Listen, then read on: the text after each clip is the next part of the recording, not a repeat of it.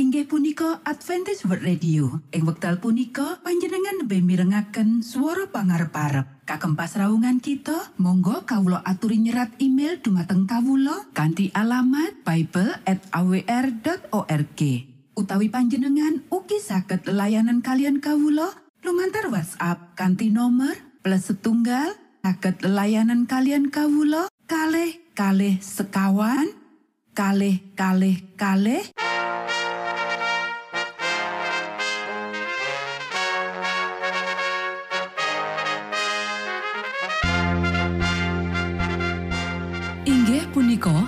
Adventist World Radio ingkang giaran kanti basa Jawi. Tentrem Rahayu kula aturaken kagem para mitra kinasih ing pundi papan lan panggonan. Sugeng pepanggian malih kalian Adventist World Radio. Kanti bingahing manah Kulo badi sesarengan kalian poro mitra kinasi. Lumantar saperangan adicara ingkang sampun rinonci. Mligi kagem panjenengan sami.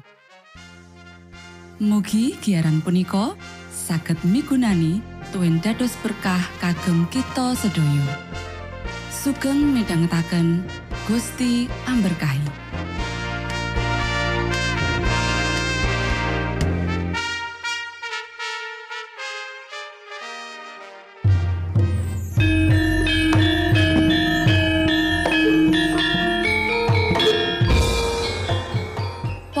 Para pamirsa kinasih ing Gusti Yesus Kristus. Ing wekdal punika, kita badhe sesarengan ing adicara ruang kesehatan. Ingkang saestu migunani kagem panjenengan saha kita sami. Tips utawi pitedah ingkang dipun aturaken ing program punika tetales dawuhipun Gusti ingkang dipunnyatakaken ing kitab suci.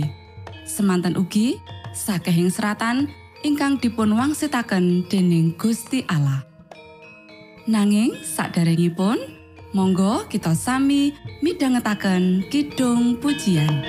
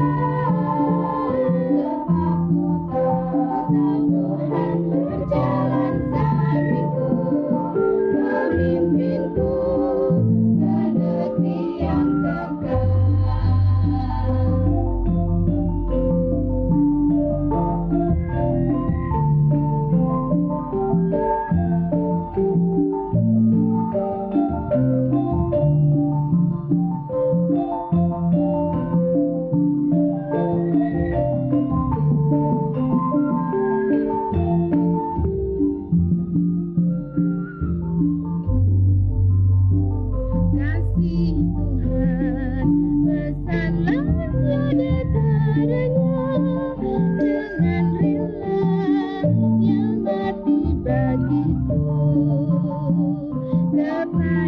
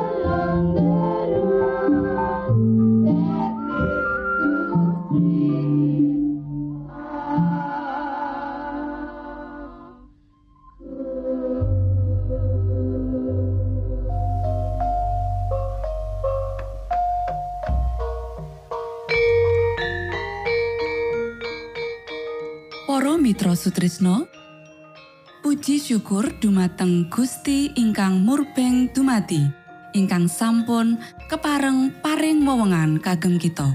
Satemah saged nglajengaken ruang kesehatan.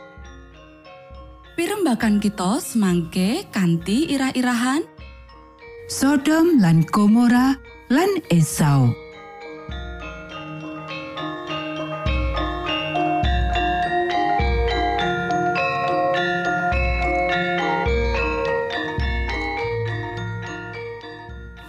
Dumateng para pamiarsa ingkang dahat kinormatan, sugeng pepanggihan malih kalian kula Isti Kurnaidi ing adicara ruang kesehatan. Ing dinten punika kanthi irah-irahan Sodom lan Gomora lan Esau. Para sedherek ingkang kinasih, ing wektu penduduk bumi iki matambah-tambah sawise banjir bandang, sepisan maneh dheweke nglalekake Gusti Allah lan ngrusak cara uripe ing ngarsaning Gusti Allah. Ora tarak sakjroning kabeh bab matambah-tambah nganti kabeh donya pasrah marang pengaruhe. Kutha-kutha gedhe wis disirnakake ing salumahing bumi amarga saka katurjanan lan panerak gedhe kang ndadekake rereget ing patamananing Allah kang endah. Kemarman selera sing ora alamiah nuntun marang dosa sing nyebabake panyirnaan Sodom lan Gomora. Gusti Allah nggawe kutha Babel dadi contoh kamurkan lan kamendeman. Pemanjaan selera lan nepsu daging iku dasar saka kabeh dosane. Para sedherek ingkang kinasih, Esau kepingin banget entuk sepiring panganan nganti ngurbanake wewenang pembarepe kanggo marmake selera. Sawise dimarmake selerane sing kepak nepsu iku, dheweke ndeleng kebodohane. Nanging dheweke ora entuk wewengan kanggo mratobat Senadyan iku digoleki kanthi ngati-ati lan kanthi ilu. Para sederek, akeh banget wong kaya Esau. Dheweke makili segolongan wong sing duweni kanugrahan ingkang aji kang bisa dikayuh, ya iku warisan langgeng, panguripan sing padha tawane karo panguripane Gusti Allah ingkang akarya jagat, kabagian kang tanpa wates lan kamulyan sing langgeng. Nanging dheweke wis suwe manjakake selera, nepsu daging, kecondongan nganti kuasa kanggo mbetakake lan ngajeni ajine perkara-perkara langgeng, kabeh iku wis diringkehake. Esau duweni kepinginan sing kuat kanggo mangan jenis panganan tertentu. Sing wis suwe dheweke maremake diri nganti dheweke ora ngrasakake perlune kudu nyingkiri panganan sing kebak kodan lan kepinginan iku. Dheweke mikir iku nanging ora mbudidaya kanggo mbatesi selerane nganti kuasa selera iku ngalahake tetimbangan liyane sarta ngendhaleni dheweke lan dheweke mbayangake menawa bakal nandang sarwa kekurangan utawa pepati menawa orang duweni panganan kasebut luwih akeh dheweke mikirake iku luwih kuat kepinginane nganti wewenang pembarepe sing suci iku kilangan aji lan kasucene. Para sederek, nalika Gusti Allah Israel ngirit umate metu saka Mesir, panjenengane nyingkirake panganan daging saka wong-wong mau. Nanging padha diparingi roti saka swarga lan banyu saka celah-celah parang. Wong Israel ora rumangsa marem karo iki. Padha sengit marang panganan sing diparingake marang dheweke, dheweke kepingin mulih menyang Mesir. Ing kono bisa nikmati panganan daging. Wong-wong kuwi luwih seneng dadi batur tukon sing kepengin mati ketimbang ora mangan daging. Gusti Allah marangake dheweke mangan daging iku nganti kamurkan gawa pakebluk sing mateni akeh ing antarane wong-wong iku. Para sederek, akeh conto bisa diwenehake kanggo nuduhake akibat masrahake diri marang selera. Katone perkara cilik tumrap para leluhur kita kang kawitan, ora netepi dawuh Gusti Allah kanthi tumindak kang siji iku. Ya iku mangan woh wit kang endah banget ing paningal lan nepsu ing rasa. Nanging tindakan iku wis mutungake pamituhune marang Gusti Allah lan buka lawang-lawang saka kacilakan lan pilai sing gegirisi ing jagat iki. Matur nuwun, Gusti amberkahi.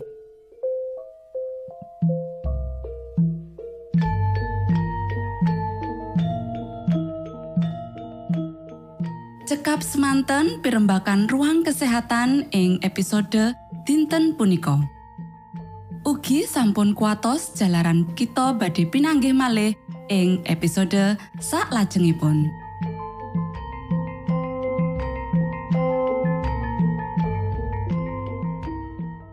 Inggih punika adicara ruang kesehatan. Menawi panjenengan gadah pitakenan utawi ngersakaken katrangan ingkang langkung, Monggo kula aturi kinton email dateng alamat ejcawr gmail.com utawi lumantar WhatsApp kanti nomor 025 pitu 00 songo songo papat 00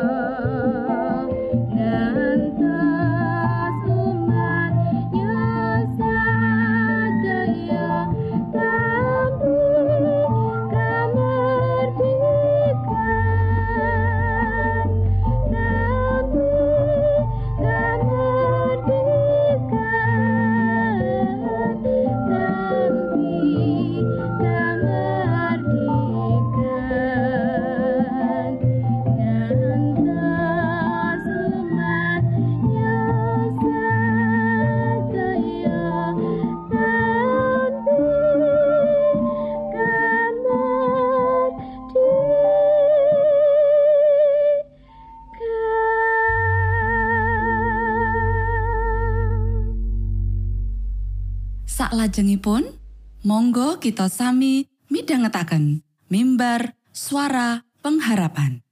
Angkat nafiri kanti pawarto Sang Kristus paderamu.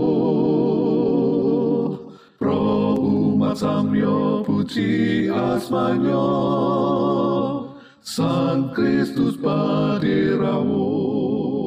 Inggih punika mimbar suara pengharapan. Ing episode punika kanthi irah-irahan Gusti Allah iku hakim. sugeng tondo Sang Kristus paderamu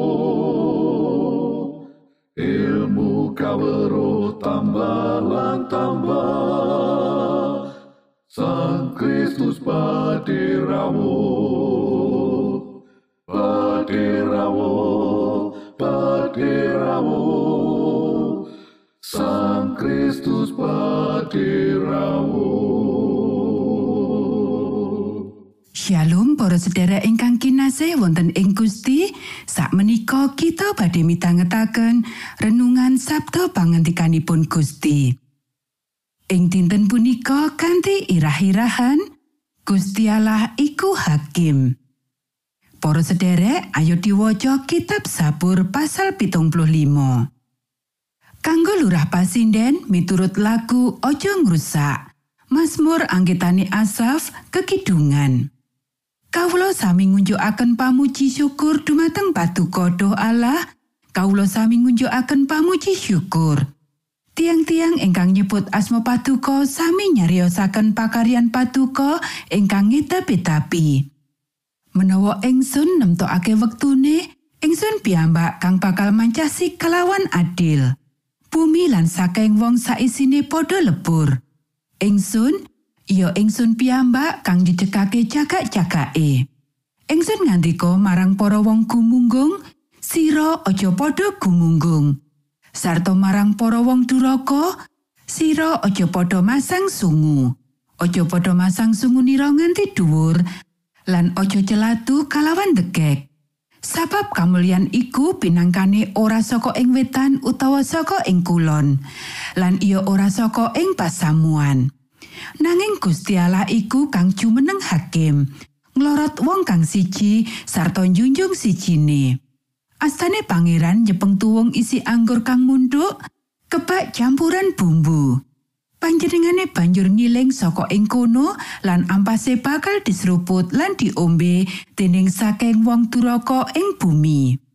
Nanging aku bakal sorak-sorak ing salah selawase, Gusti Allah Rama Yakub bakal tak puji kalawan Mazmur. Saking sungune para wong duraka bakal diremuk. Nanging sungune wong mursid iku bakal padha didhuwurake. Para sedherek ingkang kinasih, dadi ratu kang kagungan kuasa, Gusti Allah uga kang paring pranatan lan hakim. Wong duraka tansah ngancam tatanan kang adil kang wis kacecekake dening Gusti Allah ing donya, nanging Gusti Allah bakal ngadili marang donya lan nggawa pamrentahan kang duraka kuwi den pungkasi. Para sederek ing sabur pasal 75 saperangan gambar nggambarake karisaane wong duraka kang ora bisa diwurungake. Gambar tuwung kanthi anggur kang munduk pasal songo nuduhake bentering bebenduning Allah. Sake sungune para wong duraka bakal remuk, nanging sungune wong mursid iku bakal padha diduwurna.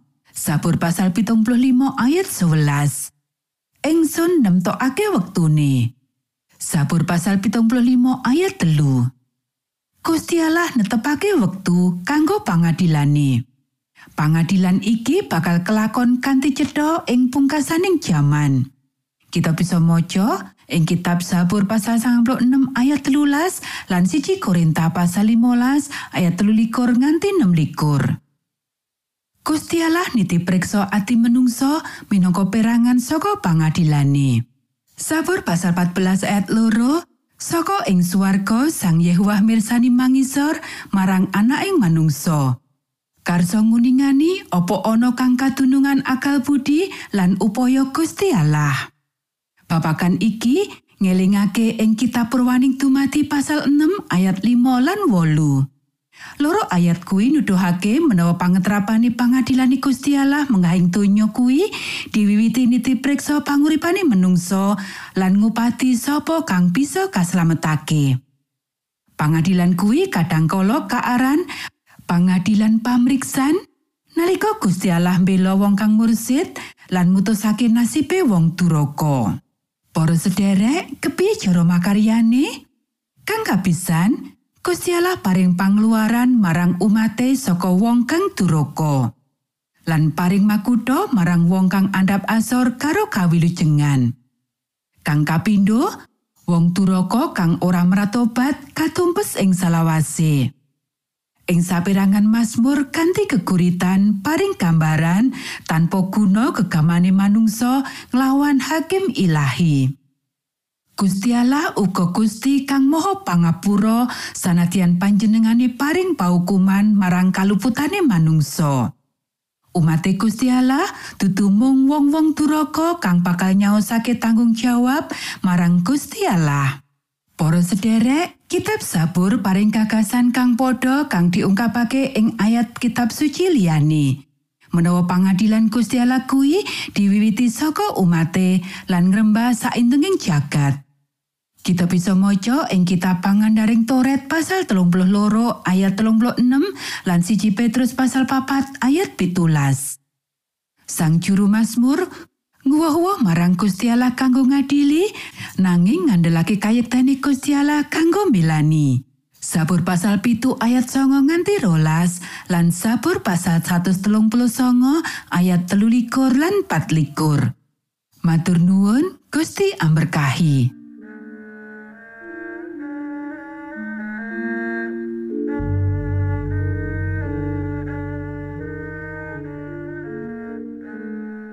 Mitra Sutrisno pamiarsa kinasih ing Gusti Yesus Kristus.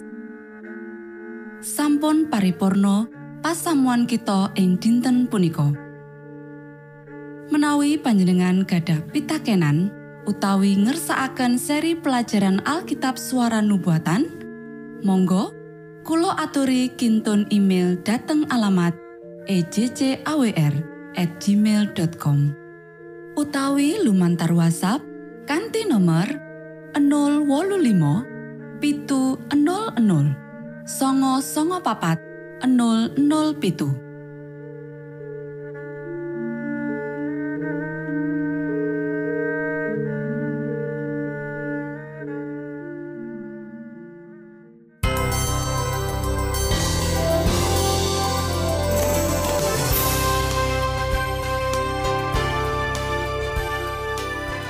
Matur nuwun kagem wektalipun kita badhe pinanggih malih ing gelombang ugi wekdal ingkang sami.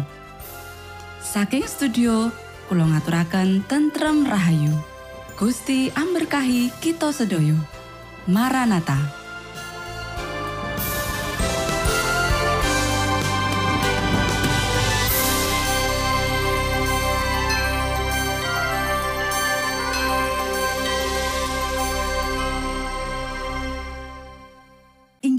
Punika Adventist World Radio. Ing wekdal punika panjenengan lebih mirengaken swara pangarep-arep. Kagem pasraungan kita, monggo kawula aturi nyerat email dumateng kawula kanthi alamat bible@awr.org. Utawi panjenengan ugi saged layanan kalian kawula lumantar WhatsApp kanthi nomor plus setunggal saged layanan kalian kawula kalih kalih sekawan kalih kalih kalih